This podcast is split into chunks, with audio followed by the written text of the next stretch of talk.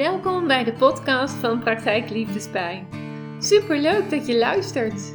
In mijn podcast wil ik je informeren, inspireren en beantwoord ik vragen die gaan over liefdespijn, codependency, ongezonde relaties en eigenliefde.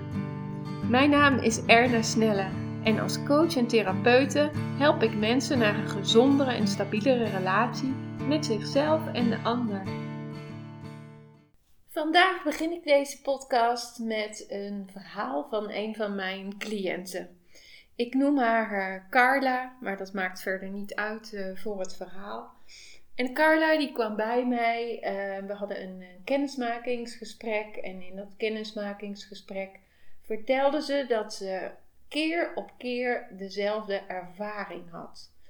Ze um, was half dertig en um, ja, was echt toe aan een serieuze, uh, langdurige relatie. En ze was al jaren aan het daten en had dan ook wel tijdelijk relaties. Maar eigenlijk gingen die relaties, iedere keer liepen die hetzelfde, volgens een bepaald patroon. En dat patroon was dat in het begin uh, het allemaal heel leuk was en gezellig was. En uh, nou, dan had ze echt het idee van dit gaat echt wat worden en het voelt goed. En na een aantal maanden, zo meestal na een maand of drie, vier, dan um, had ze het gevoel dat uh, de man in kwestie um, meer afstand ging nemen. Hij eh, liet minder van zich horen en er was minder regelmatig contact. En Carla werd daar heel erg onzeker van. En ze reageerde daarop door nog meer haar best te gaan doen. Om uh, ja, maar te kijken van, goh, wat zou hij nou willen? Wat zou hij nou fijn vinden? En ze ging zich steeds meer richten naar hem steeds meer bezig zijn met hem. Van wat ze kon doen om het hem naar de zin te maken. Om te zorgen dat hij weer wilde afspreken. Dat hij haar leuk vond. En uh, nou ja, in die, in die uh, ja, energie, zeg maar, die ze had naar hem toe. Uh, ja, was ze ook heel erg bezig met zichzelf. Van hè, wat kan ik nou anders doen of beter doen. ze was ook sowieso een hele mooie vrouw. En ja, ze was ook heel erg bezig met haar uiterlijk. Van hè, hoe kan ik er nog mooier of nog leuker uitzien voor hem. Um, maar in ieder geval was ze heel erg bezig om, uh, ja, zeg maar, gericht op hem, met hem bezig. En te zorgen dat ze maar weer konden afspreken, elkaar konden zien. Um, en op een gegeven moment ging dat steeds meer haar leven beheersen.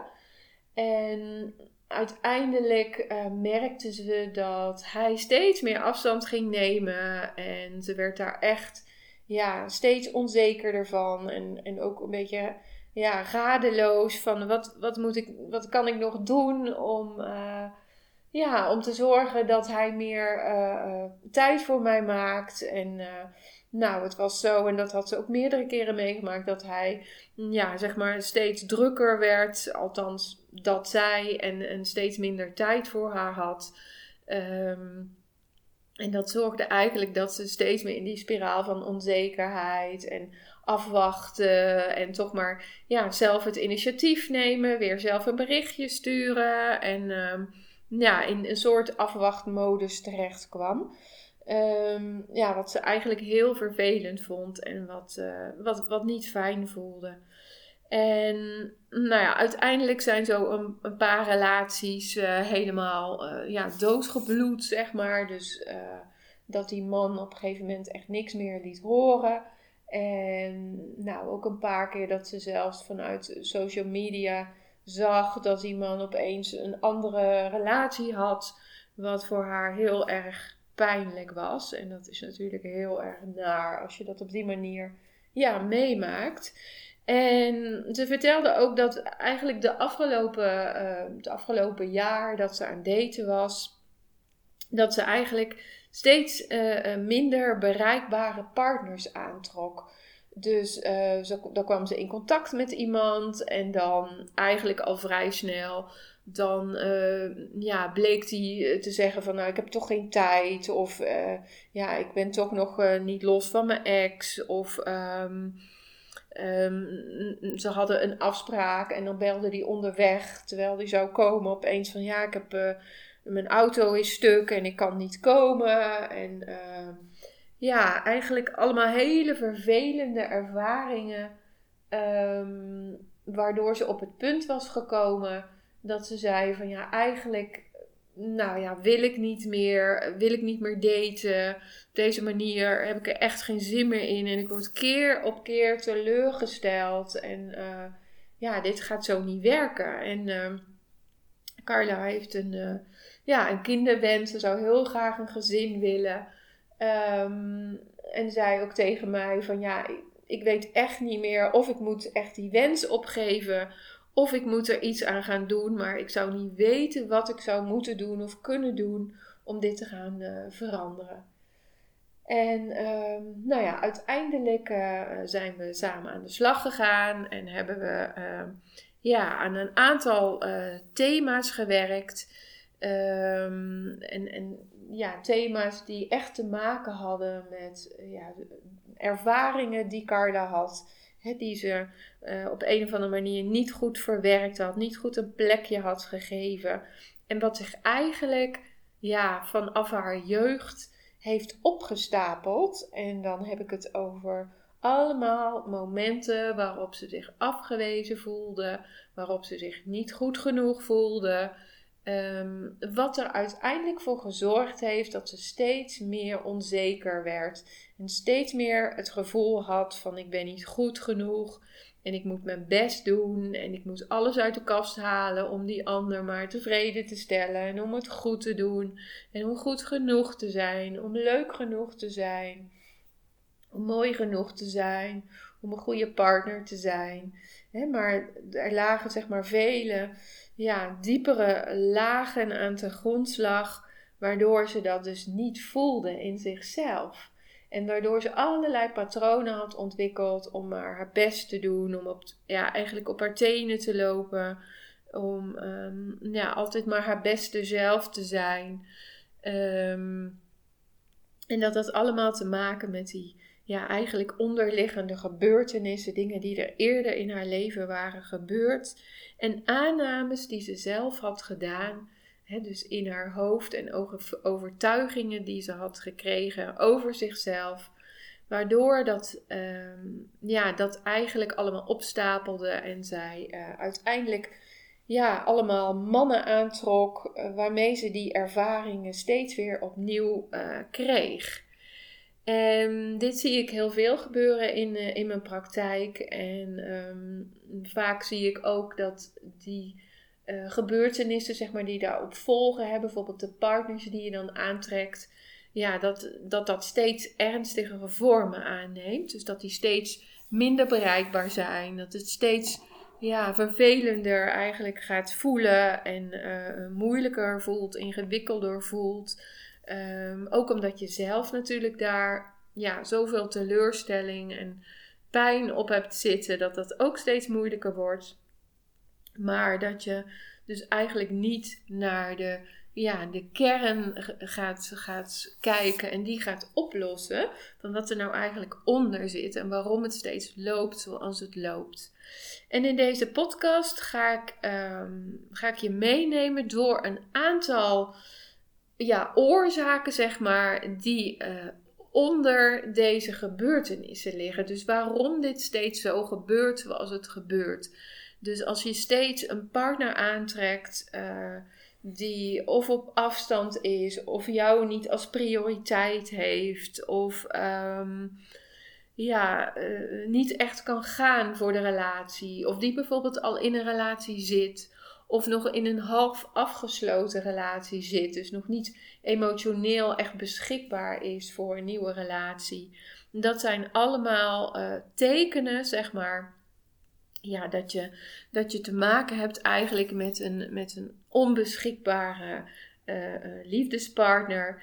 En ja, iemand die eigenlijk niet op het punt is eh, eh, waar jij bent. Want hè, jij wil een, een duurzame, langdurige relatie. Hè? Iemand waar je een, voor, voor de lange termijn een relatie mee op kunt uh, bouwen. En, en nou ja, liefst mee oud kunt worden. Um, maar eigenlijk hè, merk je al in het begin dat er sprake is van een bepaalde onbeschikbaarheid. En ik ga dus nu een aantal um, uh, ja, tekenen, maar ook uh, onderliggende uh, dingen met je doornemen, punten met je doornemen, die ja, maken dat je dus steeds dat soort partners aantrekt. Um, en dan wil ik beginnen met te benoemen jouw hechtingsstijl. En nou, misschien heb je daar wel eens over gehoord of gelezen, maar het kan ook zijn dat je er niks van weet. Uh, maar in ieder geval is het zo dat uh, iedereen heeft een bepaalde hechtingsstijl. En de hechtingsstijl is zeg maar de manier waarop je geleerd hebt om je te hechten aan iemand.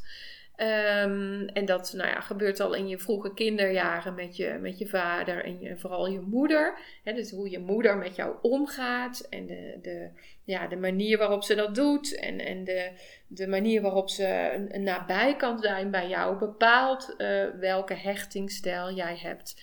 En als je een gezonde hechtingsstijl hebt, dan. Uh, dan trek je meestal de juiste partners aan die beschikbaar zijn. Maar als je een ongezonde hechtingsstijl hebt, dus zeg maar een gewonde hechtingsstijl, zoals ik het wel eens noem, dan trek je dus ook mensen aan met een ook gewonde hechtingsstijl.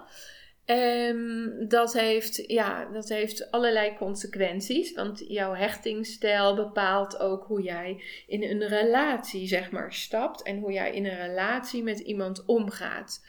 dus hoe snel ga je in een relatie, hoe snel heb jij gevoelens voor iemand, hoe snel um, ja, durf je een volgende stap te zetten? Hoe snel durf je jouw gevoelens te laten zien? Dat zijn allemaal dingen die afhankelijk zijn van jouw hechtingsstijl. En nu is het zo, als je een ongezonde hechtingsstijl hebt, dat je dus ook uh, meestal partners aantrekt met ook een gezonde hechtingsstijl.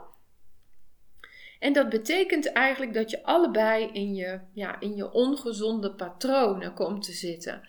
En dat je elkaar triggert om, uh, ja, eigenlijk om in uh, ja, verkeerde patronen te komen met elkaar. Waardoor de relatie heel ingewikkeld wordt. Of waardoor de een afstand wil nemen en de ander maar nabij wil zijn. Hè? Dus in dat aantrekken en afstoten patroon. En um, als je dus um, ja, een bepaalde hechtingsstijl hebt, dan, uh, dan zorgt dat ervoor dat je partners aantrekt met een tegenovergestelde hechtingsstijl. Hè, zo, zo, was het in de situatie van Carla zo dat zij uh, zelf heel erg zat in een uh, angstige hechtingsstijl. Hè, dus bang was dat iemand weer haar niet goed genoeg vond, of haar niet leuk genoeg vond, of interessant genoeg. En uh, nou, ze was bang dat hij uh, afstand zou nemen. En dat was eigenlijk ook wat er steeds gebeurde. En vanuit haar angst ging zij zich steeds op een bepaalde manier gedragen. Hè? Dus vanuit die angst ging ze heel erg haar best doen. Ging ze ja, heel lief doen. Ging ze kijken van hè, wat vindt hij fijn. Of met eten, wat vindt hij lekker om te eten. Dan ging ze dat in huis halen. Hè? Dus ook ze ging heel zorgzaam worden. En heel erg voor hem zorgen. Um, en dat zijn allemaal dingen die ook voortkomen uit die hechtingsstijl. Dus dat is belangrijk om te weten van jezelf welke hechtingsstijl heb ik en uh, voor welk gedrag zorgt dat. Dus wat, wat betekent dat? Wat, wat doe ik dus? Wat voortkomt uit die hechtingsstijl. En een tweede punt wat heel belangrijk is, is um, de veiligheid die jij gewend bent om te hebben in de relaties. En die veiligheid die begint al ook in je jeugd en kindertijd. En als je dus een, ja, veilig in een veilige zin bent opgegroeid en altijd gezien en gehoord en je fijn hebt gevoeld om je te uiten en jouw gevoelens te laten zien, dan is dat dus altijd veilig geweest voor jou. En dan kun je dat waarschijnlijk als volwassene ook heel goed. Maar als, het, eh, als je niet in een veilig gezin bent opgegroeid, dan ben je eigenlijk uh, meer bekend en vertrouwd met onveiligheid. En dat betekent dus vaak ook in je, in je volwassen leven, en soms kan dat tot uiting komen als je wat ouder bent, ehm, dat je dus ook aangetrokken wordt tot partners die ook uh, uit een onveilig uh, ja, gezin komen. Um, en die, ja, die ook patronen heeft aangeleerd om die veiligheid, zeg maar, uh, te, te creëren voor zichzelf. Um, en dat kan ook tot uiting komen in de relatie. En um, dat kan betekenen dat, dat er ergens, hè, dat je je um, aangetrokken voelt tot, tot iemand die onveilig voelt. Hè. En onveiligheid kan zich bijvoorbeeld uiten in de ene keer ben ik er wel en de andere keer ben ik er niet. Of de ene keer uh, hou ik wel van je en het andere moment dan twijfel ik heel erg. Hè, waardoor het onveilig uh, gaat voelen. En voor mensen die uit een onveilige zin komen, is die onveiligheid eigenlijk vertrouwd en bekend. En wat maakt dat je niet, uh, ja, als het ware je eisen gaat stellen en meteen uh, zegt van nou, hè, dit, dit, dit wil ik niet of dit accepteer ik niet. Maar dat je daar dus ja, in blijft als het ware, omdat het bekend en vertrouwd is voor jou. Een ander punt wat ik veel tegenkom bij uh, cliënten Um, en wat ik ook in mijn eigen leven zo heb ervaren, is dat, uh, dat je geleerd hebt als kind uh, dat je iets moet doen of iets moet geven om maar liefde te mogen ontvangen. Dus om liefde waard te zijn. Hè? Dus um, ja, sommige mensen, en dat gaat natuurlijk heel onbewust, hè, uh, hebben geleerd van hun ouders van als je maar lief bent of als je maar goede cijfers haalt. Of als je maar, nou, vul maar in wat, wat moeder of wat vader belangrijk vindt, um, doet of juist niet doet. Dan ben jij uh, liefde waard. En dan hou ik van jou. Maar als je dat niet doet, dan hou ik niet van jou. He, dus dat gaat om uh, als je hele voorwaardelijke liefde hebt gekregen, dan. Um, ja, heb je dus eigenlijk een patroon aangeleerd van ik moet iets doen of ik moet mijn best doen om, om maar goed genoeg te zijn, om liefde te krijgen. En in zo'n situatie word jij dus de gever. Hè? En dan, uh, dan ga jij maar continu geven aan mensen Um, ja, om het gevoel te krijgen, ik ben dan goed genoeg. Of uh, ja, ik ben het waard om, uh, om liefde te krijgen en om van te houden. En in het verlengde daarvan ligt ook uh, het helpen. He, dus um, wat, wat we heel veel zien, wat ik heel veel zie bij mensen die, die zeg maar voorwaardelijke liefde hebben ontvangen van, van de ouders, is dat je um, de helper in jou heel erg hebt ontwikkeld. En dat komt ook heel veel voor bij mensen die bijvoorbeeld uit een gezin komen waar um, iemand verslaafd was, of waar iemand gehandicapt was, of waar iemand echt psychische problemen had. Um, die heeft geleerd om zichzelf weg te cijferen en om ja, de ander te helpen. Hè? Dus dat is dan ook echt een patroon geworden. En je ziet heel vaak dat je dan op latere leeftijd dus ook partners gaat aantrekken. Waarmee je ook in dat patroon uh, terechtkomt. Hè? Dat je dus je partner steeds wil helpen. Uh, omdat jij je veilig voelt en fijn voelt bij die rol als de helper. En daar dus heel erg op gericht bent. En dus ook daar ja, waarde uithaalt. Hè? Dus voor jezelf voelt, als ik de ander help, dan ben ik het waard om van te houden. Of dan ben ik een goede, ja, of een goed, uh, goede dochter of een goede zoon. Of dan verdien ik zeg maar echt liefde. Uh, maar dat patroon dat zet zich vaak door in je latere leven. Waardoor je dus ook partners uitzoekt uh, die hulp nodig hebben. Of die niet emotioneel op hun eigen benen kunnen staan of niet voor zichzelf kunnen zorgen in financiële zin, of die steeds in problemen terechtkomen. En um, dat zag ik ook bij, uh, bij mijn cliënten, bij Carla. Die trok ook steeds partners aan die, um, ja, die heel veel problemen hadden. Die bijvoorbeeld uh, in de schulden zaten of die op het criminele pad terecht waren gekomen. Ehm, en Carla had dan het idee van ik kan hem wel helpen. dus um, ja, als, als, als die maar met mij een relatie aangaat, dan kan ik zorgen dat hij wel op het rechte pad uh, terechtkomt. En mm, ja, dat, dat helpersyndroom, zeg maar, dat kan heel sterk zijn. En dat kan voor jezelf ook heel goed voelen. Dat je het idee hebt van, ik doe echt goed en ik, eh, ik help echt mensen. En er is natuurlijk helemaal niks met mensen helpen. Maar wat er vaak gebeurt, is dat je daarbij over je eigen grenzen gaat. En dat je, doordat je zo gericht bent op de ander en op het helpen van de ander, dat je daarmee jezelf, zeg maar, uit het oog verliest. En je eigen behoeftes en verlangens uit het oog verliest. En te ver doorgaat in dat, ja, er te moeten zijn voor de ander of de, de ander te helpen. En ik heb dat in mijn eigen leven ook ervaren in, uh, in een relatie met iemand die, uh, die steeds maar in de problemen kwam. En die nou ja, bijna ontslagen werd omdat hij steeds te laat kwam. En um, dan ging ik hem iedere ochtend uh, opbellen van, om er te zorgen dat hij zich niet versliep.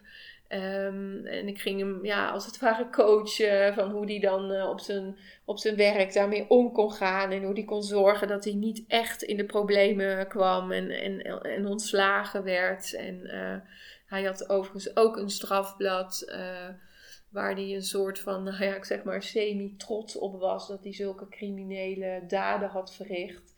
Terwijl dat voor mij ja, echt heel erg ja, ik keurde dat heel erg af, maar ik zag dat als het ware door de vingers. ik had zoiets, ja, hij wist ook niet beter en hij kon ook niet beter. Dus ik vergoeilijkte dat allemaal in mijn hoofd. Terwijl dat eigenlijk, uh, ja, ik dat heel erg afkeurde. Maar goed, ik dwaal een beetje af. Ehm, dus dat, dat helpen van de ander, dat komt ook vaak voort uit, ja, uit je jeugd en je kindertijd. Omdat je dat daar ook hebt moeten doen.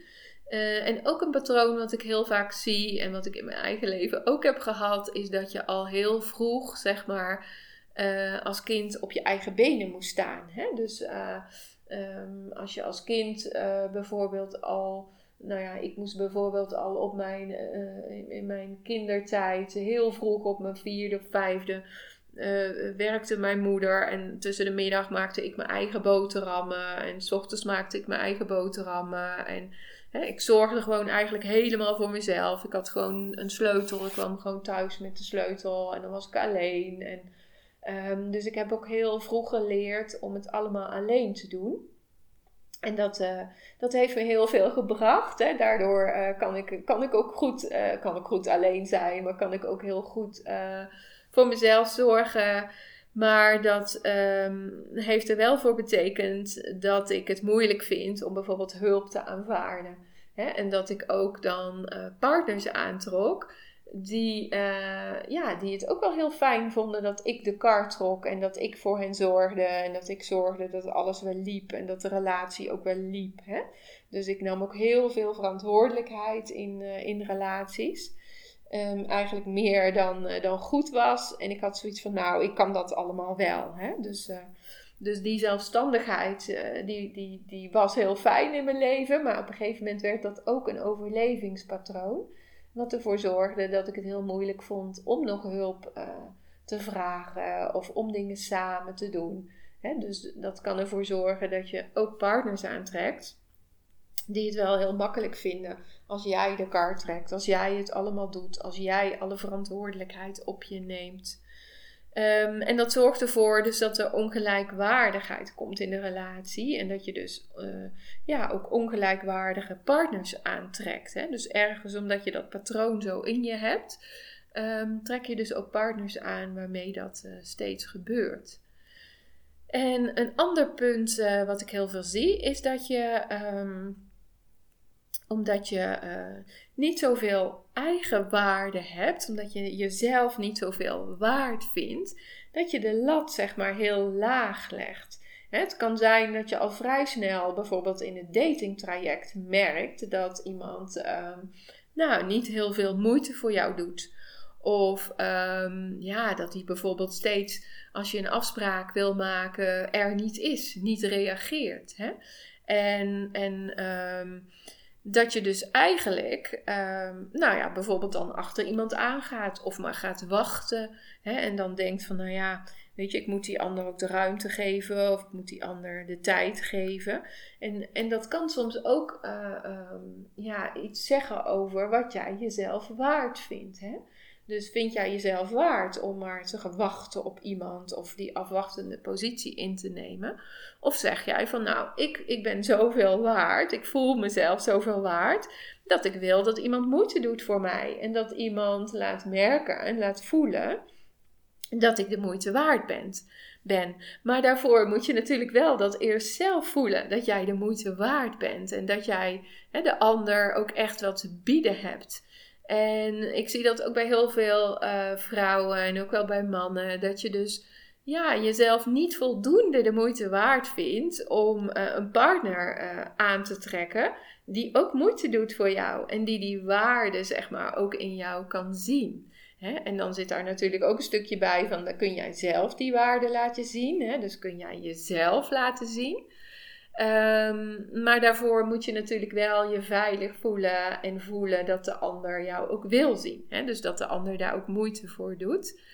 Um, want wat ik ook veel zie bij, uh, bij vrouwen en bij mannen die zichzelf niet voldoende waard uh, vinden, dat ze genoegen nemen met kruimels. Hè? En dat ze dus ook partners aantrekken die, die alleen maar kruimels geven. Dus die af en toe wat laten horen. Of die af en toe weer eventjes ja, zeg maar het lijntje aanhalen, maar niet voldoende aandacht geven of tijd geven, hè? of niet voldoende um, ja, jou, jou, jou geven, zeg maar, wat je nodig hebt, omdat jij um, ja, eigenlijk daar dan genoegen mee neemt. Dus dat jij genoegen neemt met kruimels, noem ik dat altijd.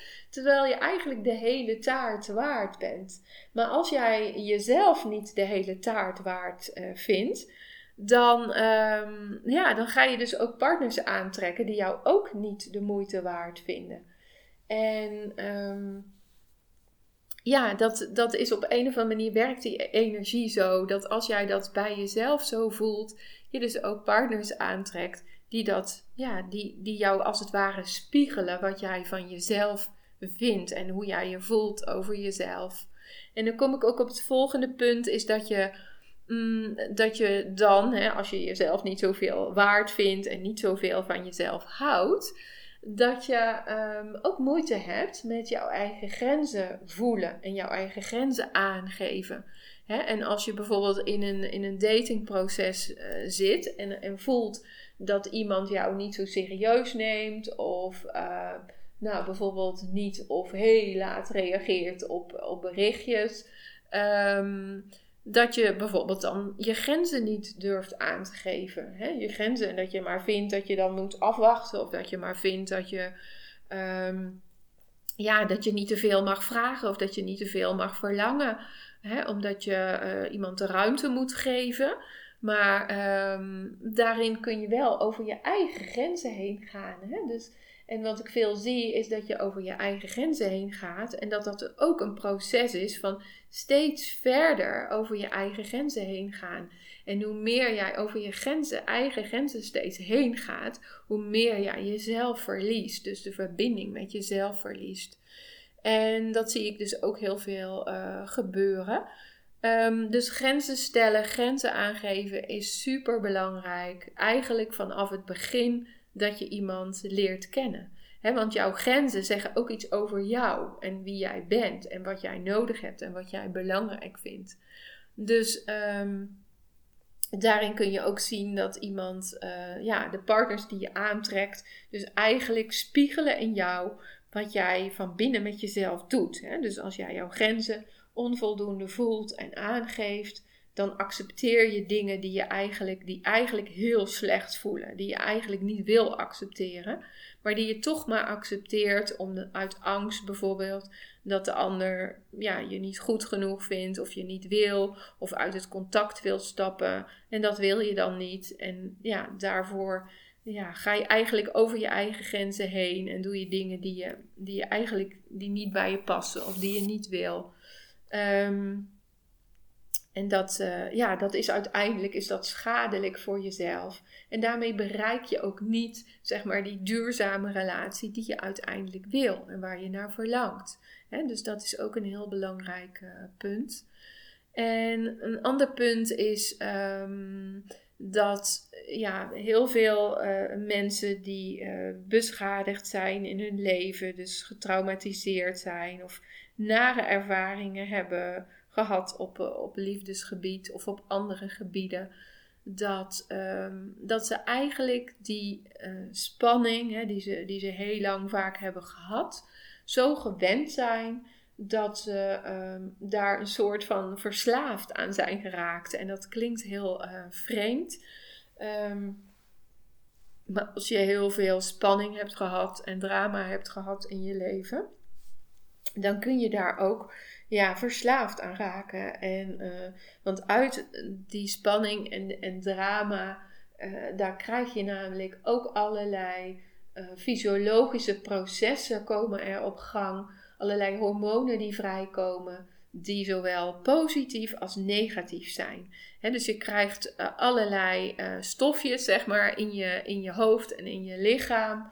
Um, die, die, die zeg maar, die spanning die dat oplevert. Wat heel fijn is, hè? bijvoorbeeld endorfines als je, als je verliefd wordt op iemand. Um, maar dan kun je dus ook verslaafd aan raken. Dat je steeds maar die highs wil, dat gevoel wil. En datzelfde geldt ook voor passie. Hè? Heel veel uh, mensen die. Uh, ja, die willen graag heel veel passie. Maar ik zeg altijd, onder passie zit altijd pijn. Dus die passie uh, die je wil voelen, dat vuur, zeg maar, wat je wil voelen. Um, dat, dat zorgt voor allerlei fysiologische processen waar je dus ook verslaafd aan kunt raken. En waardoor je dus ook steeds partners uh, uitzoekt, en dat gaat helemaal onbewust, waarmee je dus steeds in die spanning en die drama's terecht kunt komen. En uh, je onderbewuste creëert dat dus steeds. Om maar die spanning uh, ja, te voelen, waardoor je die stofjes weer kunt aanmaken. En waardoor je je fijn voelt. Maar tegelijkertijd, aan de andere kant, hè, komen er dus ook uh, allerlei stofjes vrij die niet goed zijn. Dus die zitten aan de negatieve spanningskant. Um, en waardoor je ja, allerlei klachten kunt krijgen. Uh, ontzettend spanning, spanning in je hoofd, voortdurend piekeren, heel erg bezig zijn in je hoofd, spanning in je lichaam, in je schouders, in je rug, hè, vastzitten, dat je spieren helemaal gaan vastzitten. Dat zijn allemaal consequenties van die negatieve spanningen die voort kunnen vloeien uit ja, uit relatieproblemen, uit datingproblemen, uit de patronen, zeg maar, waar je ja, in zit en waar je niet meer uit kunt komen. Um, dus dat is ook een, een, ja, zeg maar een onbewuste reden. Heel vaak zijn we ons daar niet van bewust. Waardoor je dus steeds weer partners aantrekt waar je die spanning mee voelt. En uh, als ik naar mezelf kijk in de tijd dat ik aan het daten was, jaren geleden, dan keek ik bijvoorbeeld naar, naar foto's. En uh, nou ja, bijvoorbeeld foto's van mannen die er ja, een beetje gewoon, maar wel heel betrouwbaar uitzagen, dan dacht ik, hmm, nou, dat, dat doet me niks. Dat, eh, nee, die, die vind ik niet spannend genoeg. Hè? Dus ik, ik wilde, ja, eigenlijk was ik altijd op zoek naar die spanning, om er spanning te voelen. En ik herkende dat ook in de, ja, in de ogen, zeg maar, van die mannen. Als ik daarin keek, dan zag ik, oh nee, die, die vind ik saai. Hè? Dat, dat vond ik saai. Als ik het idee had van, nou, daar kan ik die spanning niet mee voelen, dan, uh, dan vond ik het al snel saai. En uh, nou ja, niet, niet interessant. Um, Terwijl mannen die dan wat meer op afstand leken en nou, die een spannend leven hadden of die spannende dingen schreven in hun profiel, dan dacht ik ja, ja dat, hè, dat trekt me aan. Dus uh, onbewust werd ik dus door die spanning steeds uh, aangetrokken tot ja, de verkeerde mannen. Dus de mannen die mij emotioneel niet konden geven wat ik nodig had. Waardoor ik steeds weer in die cirkel terecht kwam van spanning, drama, maar dan uiteindelijk hè, in ingewikkelde relatiepatronen, waardoor het toch niet een duurzame relatie kon worden waar ik echt gelukkig mee was. Dus dat was ook een van de, van de punten. En um, ja, als laatste punt um, wil ik noemen, en ik, ik noemde het net al een klein beetje, de, uh, de overtuigingen die je hebt over jezelf, maar ook die je hebt over, uh, over liefde. Hè? Dus heel veel mensen denken dat, uh, dat je knal verliefd moet worden in één keer op iemand. En dat dat dan, ja, zeg maar, de prins of de prinses is. Um, en daar ga je de rest van je leven gelukkig mee worden. Dat zijn ook de dingen die we ons in films en in sprookjes allemaal voorgehouden krijgen. En hoe we dat dan ook zien voor onszelf. Dus uh, ja, een leven lang gelukkig zijn met, uh, met iemand. En dat één iemand ja, al jouw behoeften gaat, uh, gaat invullen. En dat je helemaal in vuur en vlam staat voor iemand. Um, maar dat is niet uh, wat, wat zeg maar in het echte leven gaat zorgen voor een duurzame relatie. Er zijn een aantal ja, andere punten die veel belangrijker zijn dan dit. Maar heel vaak zijn we zo gefocust op die passie willen voelen, op dat in vuur en vlam willen staan en, en die spanning willen voelen. En is dat wat we, ja, waar we naar op zoek zijn. Terwijl eigenlijk andere punten veel belangrijker zijn. Maar daar zijn we ons niet van bewust. Omdat we nou ja, dat zo niet meekrijgen in onze opvoeding en, en in ons leven. En niet in films en wat we zien in de media. Dus we hebben een beeld wat eigenlijk uh, ja, niet passend is bij, bij de werkelijkheid. Dus we weten ook niet, we weten ook heel vaak niet wat we zelf nodig hebben. Dus uh, wat er eigenlijk in onszelf voor nodig is om een duurzame, fijne relatie uh, te kunnen creëren. En we gaan dan af op, ja, op allerlei, uh, ja, noem maar, uh, punten waarop we aangetrokken worden tot iemand. Die uh, er niet voor zorgen dat je ook echt een duurzame relatie kunt, kunt krijgen. Um, en, en wat er dus voor zorgt dat je iedere keer weer in die cirkel van pijn en verdriet en teleurstelling terechtkomt.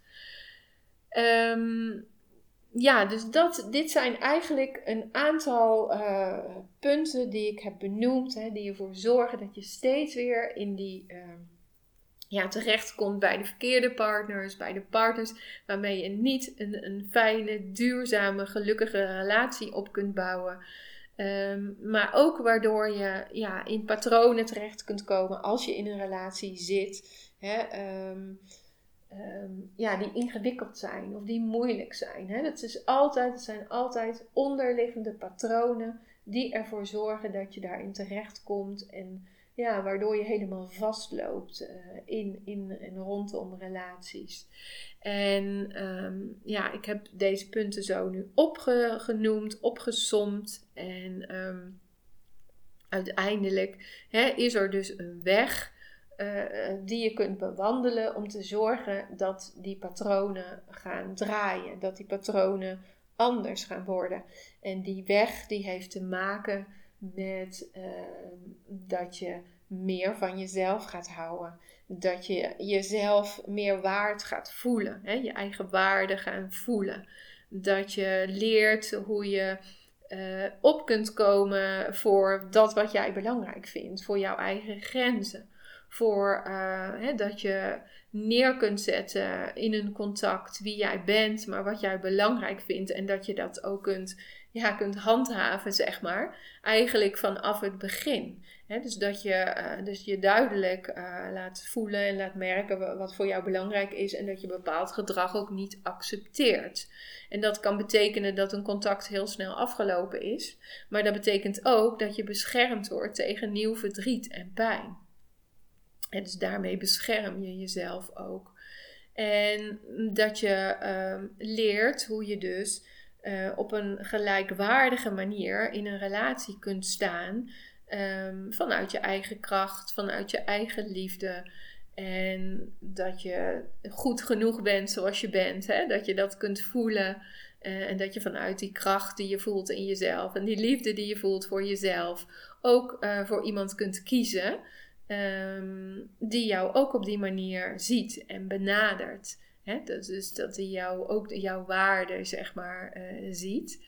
En wat ook een heel belangrijk stuk is, dat je gaat kijken naar hè, alle ervaringen die je hebt gehad in het verleden, die ervoor gezorgd hebben ja, dat je bijvoorbeeld oude wonden hebt, dat je wonden hebt in jezelf, dat dingen die gebeurd zijn, dat je merkt dat die nog steeds in de weg zitten of dat die nog steeds ja, pijn veroorzaken. Ook die kun je gaan oplossen, die kun je gaan helen, die wonden.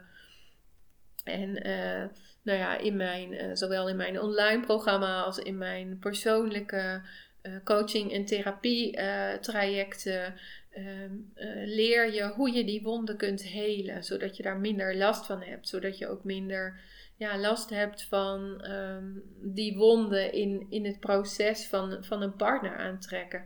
En dat je ja, vanuit volledige liefde voor jezelf dat kunt, uh, kunt doen. Waardoor je ook uiteindelijk andere partners gaat aantrekken. Hè? Die wel jou op je waarde schatten. En die wel voor jou kunnen zijn op de manier waarop jij het nodig hebt.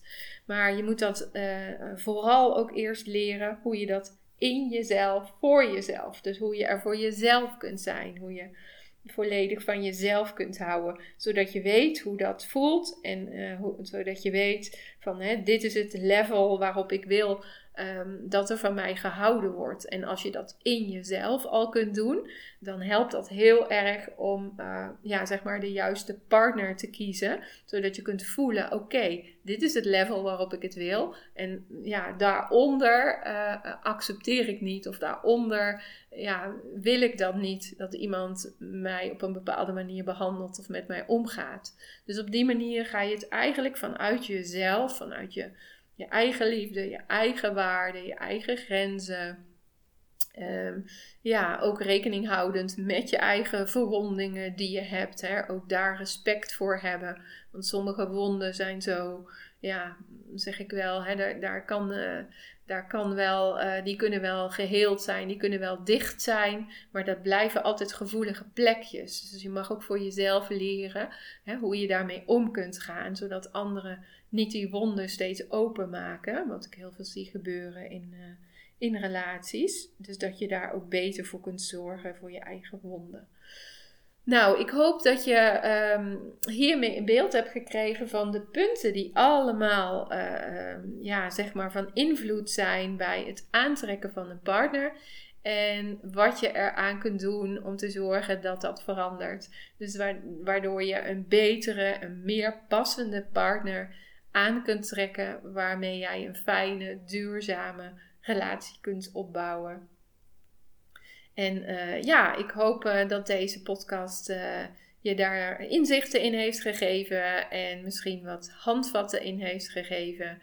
En um, ja, ik, ik hoop dat het je veel heeft gebracht. Wil je meer lezen over hoe jij concreet geholpen kunt worden? Kijk dan op de pagina coaching van mijn website www.liefdespijn.nl